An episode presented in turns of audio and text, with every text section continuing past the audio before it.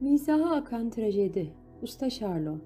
70'li 80'li kuşakların çocukları çok iyi hatırlarlar. Bayram coşkusunun şekerlerle, paralarla daha da arttırıldığı, misafir geliş ve gidişlerinin yoğun olduğu gün ortalarında akşama doğru siyah beyaz ekranlardan evlere ayrıca bir misafir daha gelirdi ki çocuklar onu ağırlamaktan çok büyük memnuniyet duyarlar.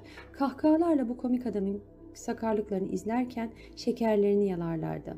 Kendileri kadar küçük, bir o kadar sevimli, pantolonu, ceketi, ayakkabısı, takma bayı, bıyığı, melon şapkası ve bir de bastonuyla coşku dolu kıpır kıpır olan bu adam çocukların yüzlerindeki gülümsemenin sebebi olurdu adeta. Bu kıvrak komik adamın 1900'lü yılların izmli akımlarına nasıl bir etki bıraktığını bilmeleri tabii ki çocuk zihinlerinde mümkün değildi. O sadece siyah beyaz, sessiz ve komik adam Charlo'ydu onlar için. Charlie Chaplin'in yaşamının ilk dönemlerine ait bilgileri hemen hemen onunla ilgili yazılan her kaynakta bulmak mümkündür. O, trajik hikayesinin bütün izlerini filmlerinde adım adım izletir, sokak hikayelerini yazgısal yükünü eserlerine yansıtışındaki gerçeklik yüzünden de izleyici tarafından asla yadırganmaz, anlaşılır hatta içselleştirilirdi. Çünkü Charlie herkeste ve herkes aslında bir Charlie'ydi. Konuşmalarının birinde beyaz perdedeki tuhaflıkların kesinlikle aptalca değil, insanların tuhaflıkları da en ciddi anlarında, en yüce uğraşılarında bile tanrılara ya da daha üst boyutlarda yaşayan canlılara bir o kadar aptalca geliyordu diye belirtirdi. Çeşitli müzikollerde, tiyatrolarda çalışan annesinin ve babasının erken ayrılığı, babasının alkol problemi ve ondan şiddet görmesinin yanı sıra annesinin akıl hastalığı ile birlikte üvey abisiyle yetimhanelerde yoksulluk ve açlık çekerek daha 8 yaşındayken ekmek kavgasının peşine düşen Charlie, yaşadığı bu trajediyi gözlem yeteneği ve dehası sayesinde mize olarak aktarmayı başardığında hızlı yükselişine dünya şahit oluyordu. Bu yazgısının sunduğu yaşam zorluğu onu yoksulun, çocuğun, ezilenlerin, acı çekenlerin ve yas tutanların hayatına hizmet etmekle görevlendiriyordu.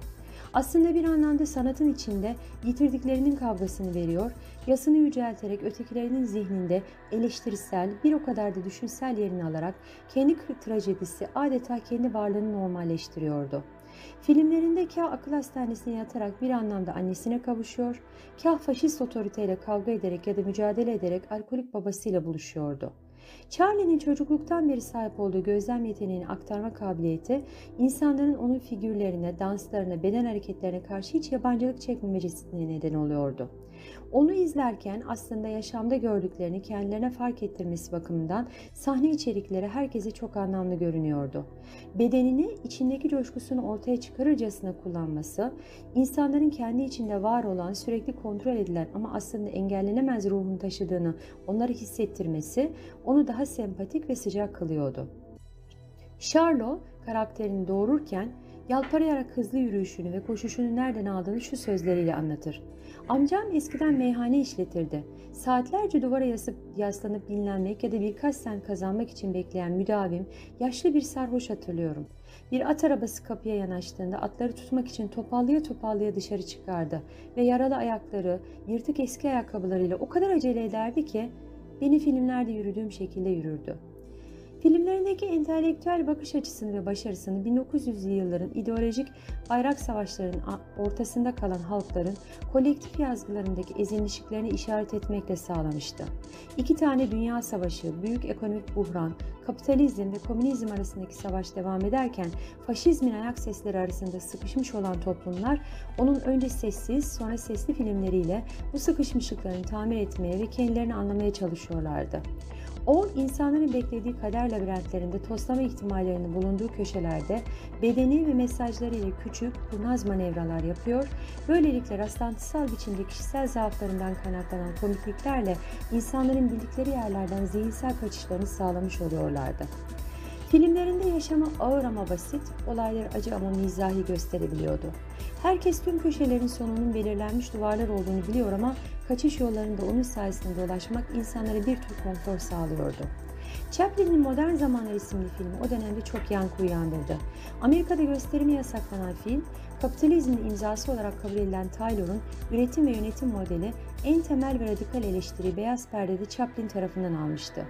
Taylor üretim sisteminin en büyük özelliği üretimde emeğin tek düzeliği, çalışanların kesin itaati ve işçi örgütlenmelerinin minimum organizasyonu sayılabilir. Zaman ve hareket prensipleri sistemin en etkin öğeleridir. Chaplin filmde bu mekanik sistemde yer alan uyum sağlaması beklenen aynı hat üzerinde sürekli vida sıkan bir işçi olarak bulundu. Fordizm sisteminde gene kendine özgü beden hareketleri, metaforları, sonunda akıl hastanesine oradan hapishanelere düşen macerası ve tezatlıkları ile film dünyada çok ses getirdi. Dezavantajlı grupların yaşamlarına da dokunmayı hiç unutmazdı. Filmde görme engelli bir kızı aşık olup aynı zamanda zengin bir adamın hayatını kurtarırken adamın vefa borcunu para olarak ödemesi aşık olduğu kıza yardım imkanını doğurur. Bu parayla kızın ameliyatla gözlerini açtırabildiğinde ise kendini beğenmez düşüncesiyle onun hayatından çıkar. Sonunda gene tesadüf sonucu kızla karşılaşıp kızın Chaplin'i ellerinin şeklinden tanıması, aşkların canlanması ve Charlie'nin utangaç gülüşüyle film mutlu sonla biter. Şehir Işıkları filmi aşkın tesadüfleriyle birlikte bazen imkansız olsa dahi kaçılmaz bir duygu olduğunu çok estetik bir çizgide ortaya koyar. Faşizme karşı hiçbir şey yapamadan duramayan Charles Chaplin, Büyük Diktatör filmini çektiğinde Adolf Hitler ve sistemi hedef almayı ihmal etmez. Yanlışlıkla Hitler'le karıştırılan Yahudi berberini canlandıran Chaplin, filmin sonundaki konuşmasında insanlığın hırslarla, etiketlemelerle sefaletin ve kanın içine sürüklendiğini ifade ederken makineleşmeden çok yardıma, iyiliğe, paylaşıma daha çok ihtiyacımız olduğundan bahsederek filmi sonlandırır. Anlaşıldığı üzere Charles Chaplin'in dünyaya bıraktığı iz düşümleri çok manidardır. O, tüm hayatı boyunca bir direnişçi, belki de sessiz bir devrimci olmuştur. Devrimi herhangi bir ideolojiye sığmayacak kadar değer bir anlam içeriyordur. O trajedilerin üzerinden yükselerek meydan okuna, farkındalık yaratma, aslında aynalama yapmaya çalışmış, bunu da sunarken estetikten, coşkudan ve mizahtan hiç uzaklaşmamıştır. Kimi toplumlar onu ağlayarak, kimileri gülerek seyrederken, kimi toplumlar da bilgi birikimine hayran olarak izlemişlerdir. Trajedinin üstüne inşa ettiği mizah, sanatının ilham verici büyüklüğü karşısında insanların kendi kendilerini anlamasına ve olağan kabul etmesine hep yardımcı olmuştur. Chaplin, insanın insan olarak kalması, duyguları yatsımadan yaşaması ve hissetmesi yönündeki mücadeleleriyle kuşaktan kuşağa aktarılacak büyük bir usta ve deha olarak kalmaya devam edecektir.